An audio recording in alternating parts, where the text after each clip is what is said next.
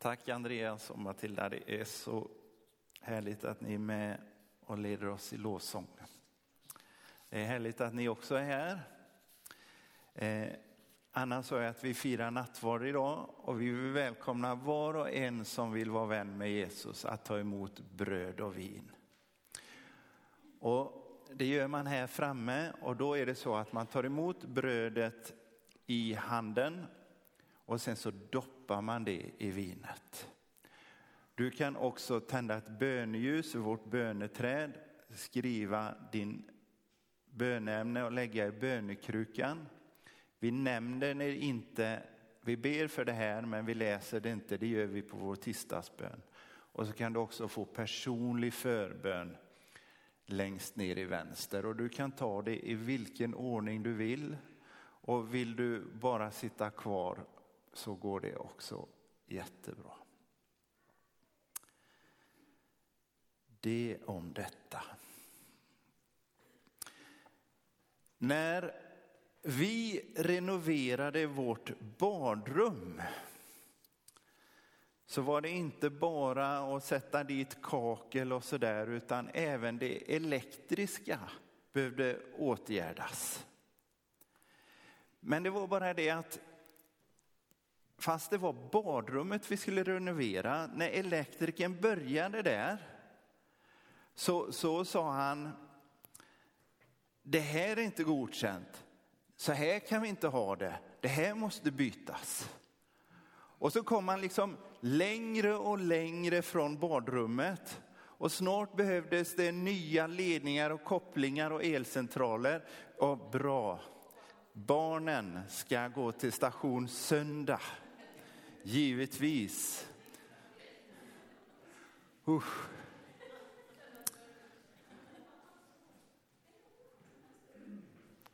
Bra, bra, bra. Är det någon annan som vill gå till station söndag efter den här inledningen så är ni välkomna. Alltså, elektrikern han kom längre och längre från badrummet och snart så behövdes det nya ledningar och kopplingar och elcentraler i, i princip hela huset. Vad var det egentligen elektrikern sa? Jo, han sa det finns gränser för elektriciteten. Det finns gränser för elektriciteten. Och fastän jag tyckte att vår el fungerade alldeles utmärkt och fast det skulle ta längre tid att få allting klart och fastän, och detta är riktigt jobbigt för mig, fastän räkningen bara skulle bli större och större så gick jag ändå med på det. Varför? Jo, för jag trodde på elektrikern. Det finns gränser för elektriciteten. Men varför berättar jag det här och nu? Är det för att i dessa tider så måste vi ta upp det här med strömmen och elen minst en gång om dagen? Nej, det skulle ju handla om budorden idag.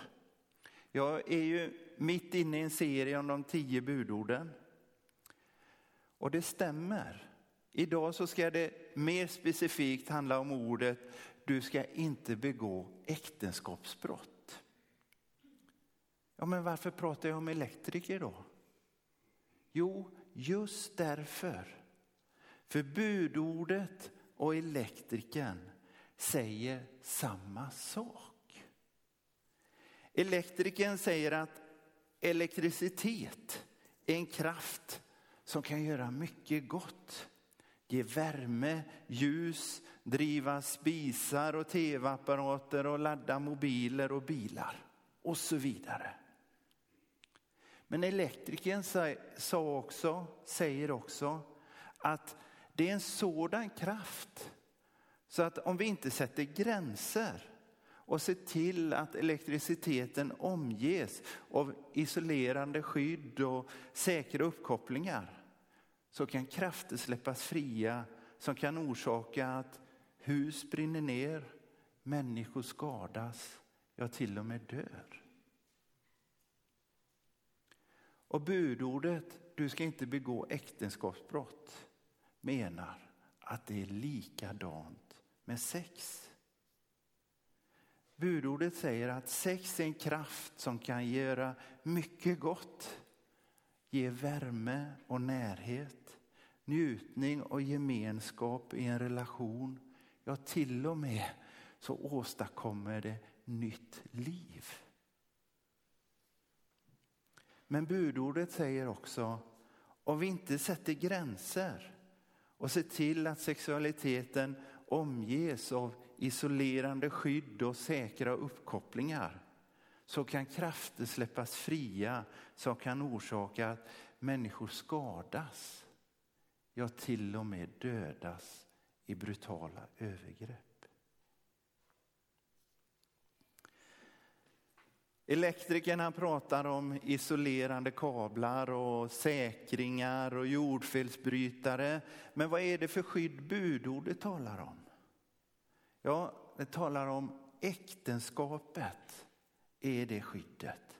Och det är grundat i, i själva skapelseordningen. I första Mosebok 2.24 så står det det är därför en man lämnar sin far och mor för att leva med sin hustru och det blir ett. I Bibel 2000 som vi brukar läsa så står översätts så står det att leva med. Men i andra bibelöversättningar så brukar det stå att hålla sig till. Alltså det handlar om en överlåtelse och en trohet. Och innanför det skyddet så skapas ett utrymme för en mycket nära gemenskap mellan två individer. Man blir ett. Men pastorn, både det här bibelordet från första Mosebok och budordet du ska inte begå äktenskapsbrott, det står ju i GT det gamla förbundet. Och vi lever ju i NT, det nya förbundet. Och visst är Jesus mycket öppnare i de här frågorna. Säger han inte till kvinnan som ertappades med just äktenskapsbrott, inte heller jag dömer dig. Jo, det säger han. Alltså tycker Jesus att det är okej okay att ha sex även med andra. Nej, vad är det, vad säger Jesus egentligen om sex? Har du funderat på det? Vad, vad jag har upptäckt så uttalar sig Jesus om äktenskap och äktenskapsbrott och, och otukt. Och förutom om äktenskapsbryterskan som vi läste i Johannes 8 så kan vi läsa i Matteus 5, 15 och 19 och sen parallellställen i, i andra evangelierna.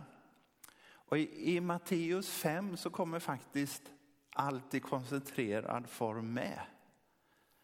Lyssna, Jesus säger så här. Ni har hört att det blir sagt, du ska inte begå äktenskapsbrott. Men jag säger er, den som ser på en kvinna med åtrå har redan i sitt hjärta brutit hennes äktenskap. Om ditt högra öga förleder dig, så riv ut det och kasta det ifrån dig. Det är bättre för dig att en del av din kropp går förlorad än att hela kroppen kastas i helvetet. Om din högra hand förleder dig, så hugg av den och kasta den ifrån dig. Det är bättre för dig att en del av din kropp går förlorad än att hela kroppen kommer till helvetet. Det blir sagt, den som vill skilja sig från sin hustru ska ge henne ett skilsmässobrev. Men jag säger er, den som skiljer sig från sin hustru av något annat skäl än otukt, han blir orsak till att äktenskapet kan brytas genom henne. Och den som gifter sig med en frånskild kvinna bryter hennes äktenskap.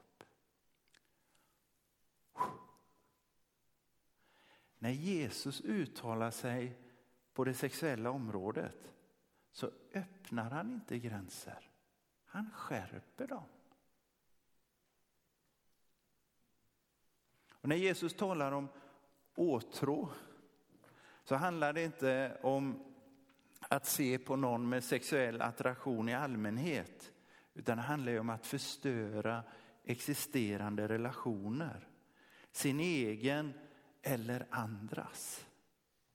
Och Jesus understryker allvaret genom att säga om ditt högra öga förleder dig så riv ut det och kasta det ifrån dig.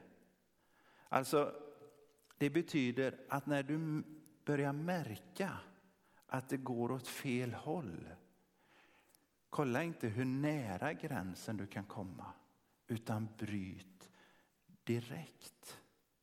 Så att du inte går över gränsen och skadar dig själv och andra.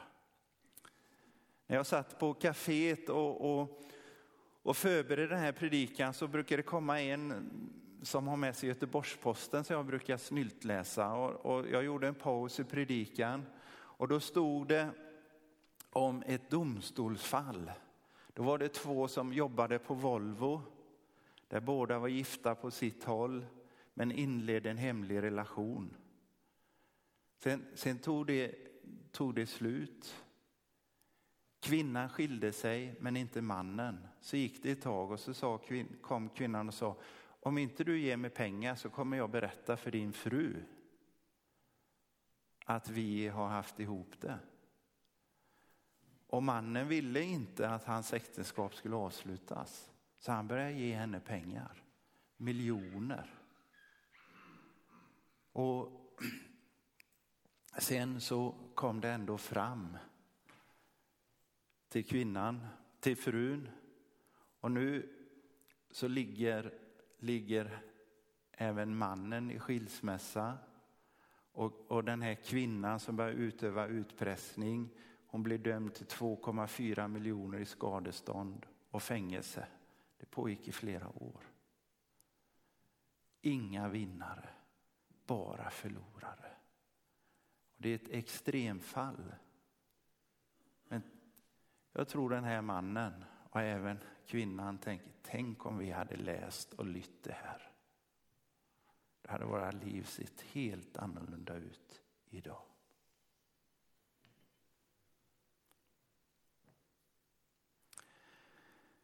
När Jesus talar om äktenskapet så menar han att det är menat att vara en livslång överlåtelse. Och Jesus talar också om otukt. Det är så gammalmodigt ord, liksom. vad, vad betyder det egentligen? I, I grundtexten så står det porneia och det är därifrån vi har ordet pornografi. Men man kan säga att otukt är ett samlingsnamn för sexualitet som går utanför givna gränser. Folkbibeln de översätter inte otukt utan sexuell omoral. Alltså Jesus håller med gamla testamentet om att vår sexualitet behöver skydd och gränser för att fungera på bästa sätt. Men då säger han väl emot sig själv när han inte dömer äktenskapsbryterskan. Det var just det fariseerna som, som förde fram eh, eh, äktenskapsbryterskan till Jesus. Det var det de ville Jesus skulle göra, att han skulle säga emot sig själv. Men när Jesus säger, inte heller jag dömer dig, så är det bara hälften av vad han säger. Så här, så här säger han i helhet. Inte heller jag dömer dig. Gå nu och synda inte mer. När människor citerar Jesus här, då brukar man bara säga den första delen oftast. En del kanske bara säger den andra delen. Men Jesus han gör två saker samtidigt som vi så ofta har svårt att greppa. För samtidigt som han slår fast att, att vår sexualitet har gränser så överflödar han i barmhärtighet mot dem som överträder dem. Äktenskapsbryterskan, kvinnan vid brunnen, i mötet med prostituerad och så vidare. Människor som liksom har gått över gränsen, som, som har fallit, möter han alltid med barmhärtighet. Men finns det inte en annan lösning? Sambo. För om man lever sambo, då begår man ju inte äktenskapsbrott när man är med en annan. Och det blir ju ingen skilsmässa om man går isär. Jag skulle säga att det är som att säga att man inte kan krocka om man inte har körkort om man kör bil. Alltså, otrohet. Det är lika stora risker för relationen i ett samboskap som ett äktenskap. Det är lika förödande för de drabbade. Det är lika stor påverkan på relationen. Och ibland kan man höra, och bland kristna, när, när några som lever sambo går isär. Och det var ju skönt att de inte var gifta. Det är ju som att säga till någon som, som krockar, det var skönt att han inte hade körkort. Förstår ni vad jag vill säga? Det är lika allvarligt när någon skiljer sig som lever sambo som någon som lever i äktenskap. Någonting går sönder i båda fallen. Alltså, ibland så blir det som att när människor bor sambo att det är problemet. Det är ju inte problemet. För Bibeln uppmanar ju en man att lämna sin far och sin mor för att leva ihop med sin hustru. Det är ju något gott. Det är inte det som är problemet. Problemet är när relationer går sönder. Går samboskap sönder? Ja. Går äktenskap sönder? Ja. Vi är ofullkomliga människor som lever i en trasig värld. Men, men om även äktenskap går sönder, varför då krångla till det och gifta sig? Krockar människor utan körkort? Ja. Krockar människor med körkort? Ja. Men varför då krångla, krångla till det att, att ha körkort? Jo, för när vi bemödar oss om att ta körkort så minskar vi riskerna drastiskt för att vi kommer att krocka. Det är för, för att minska det. Det är liksom ingen garanti mot att vi inte kommer krocka. Man skulle till och med kunna säga så här om man vill vända på det. De flesta människor som krockar har körkort.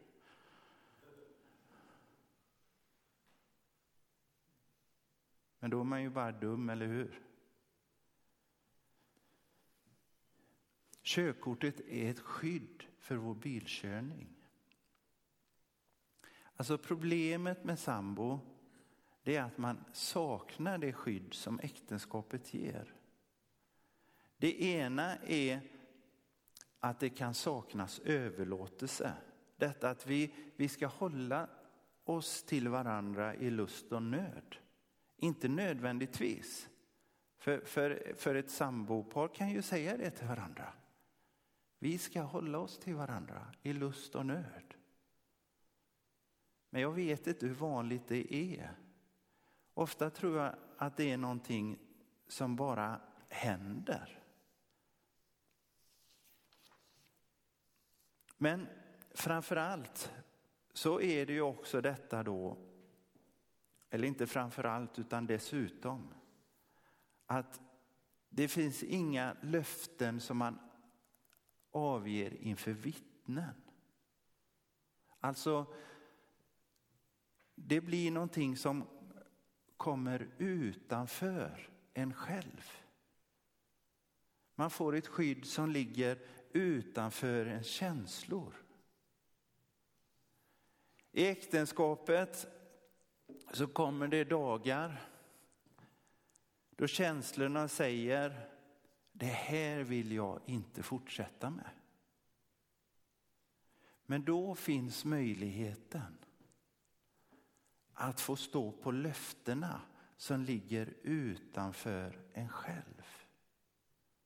Oberoende av vad man känner. Det tror jag har varit räddningen för mitt äktenskap. Och oavsett så behöver alla relationer vårdas. Det är ett arbete. Sen vet vi, man krockar med körkort. Ibland så fungerar det inte.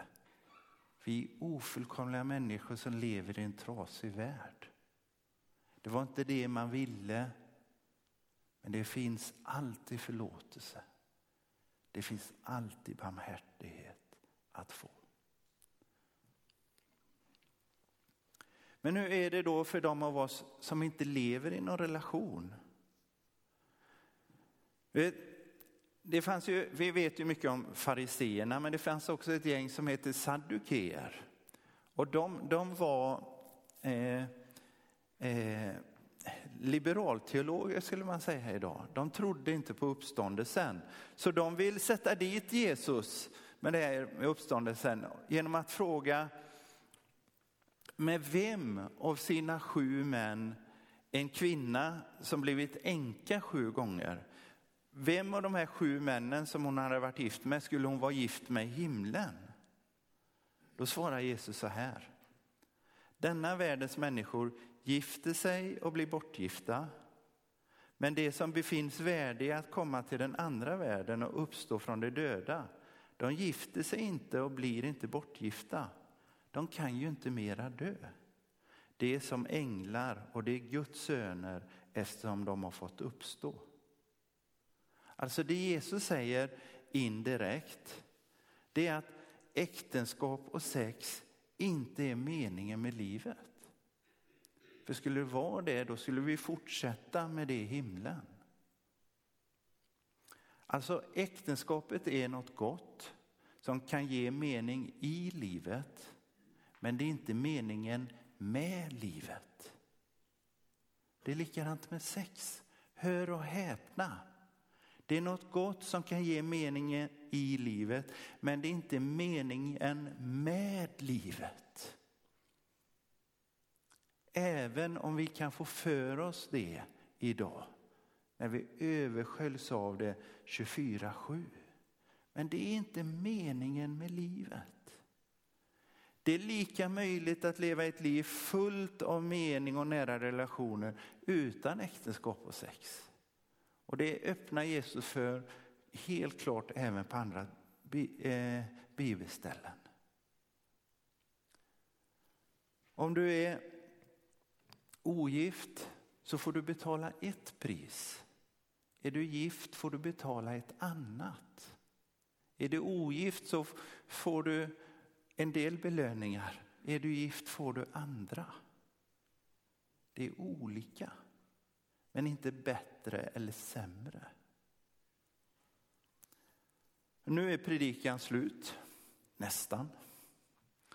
När elektrikern sa till mig att inte använda slitna kablar och kopplingar så var det ju inte för att göra livet svårt för mig och min familj utan för att skydda oss.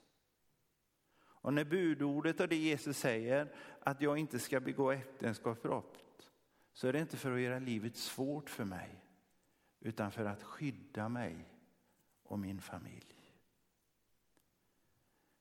Ändå kan det bli fel. När Jesus sa till fariseerna som kom till äktenskapsbryterskan att den som är utan synd kastar första stenen, så, så lade alla ner sina stenar. Jag är rätt så övertygad om han hade preciserat det och sagt att den som är utan sexuell synd kastar första stenen. Så tror jag att alla hade lagt ner sina stenar då med. Vi är ofullkomliga varelser i en trasig värld. Och så är det också med vår sexualitet. Men det Jesus sa till kvinnan, det säger han till oss också. Och vi får ta emot hans barmhärtighet och hans vägledning när han säger, inte heller jag dömer dig. Gå och synda inte mer. Amen. Vi sjunger en lovsång tillsammans.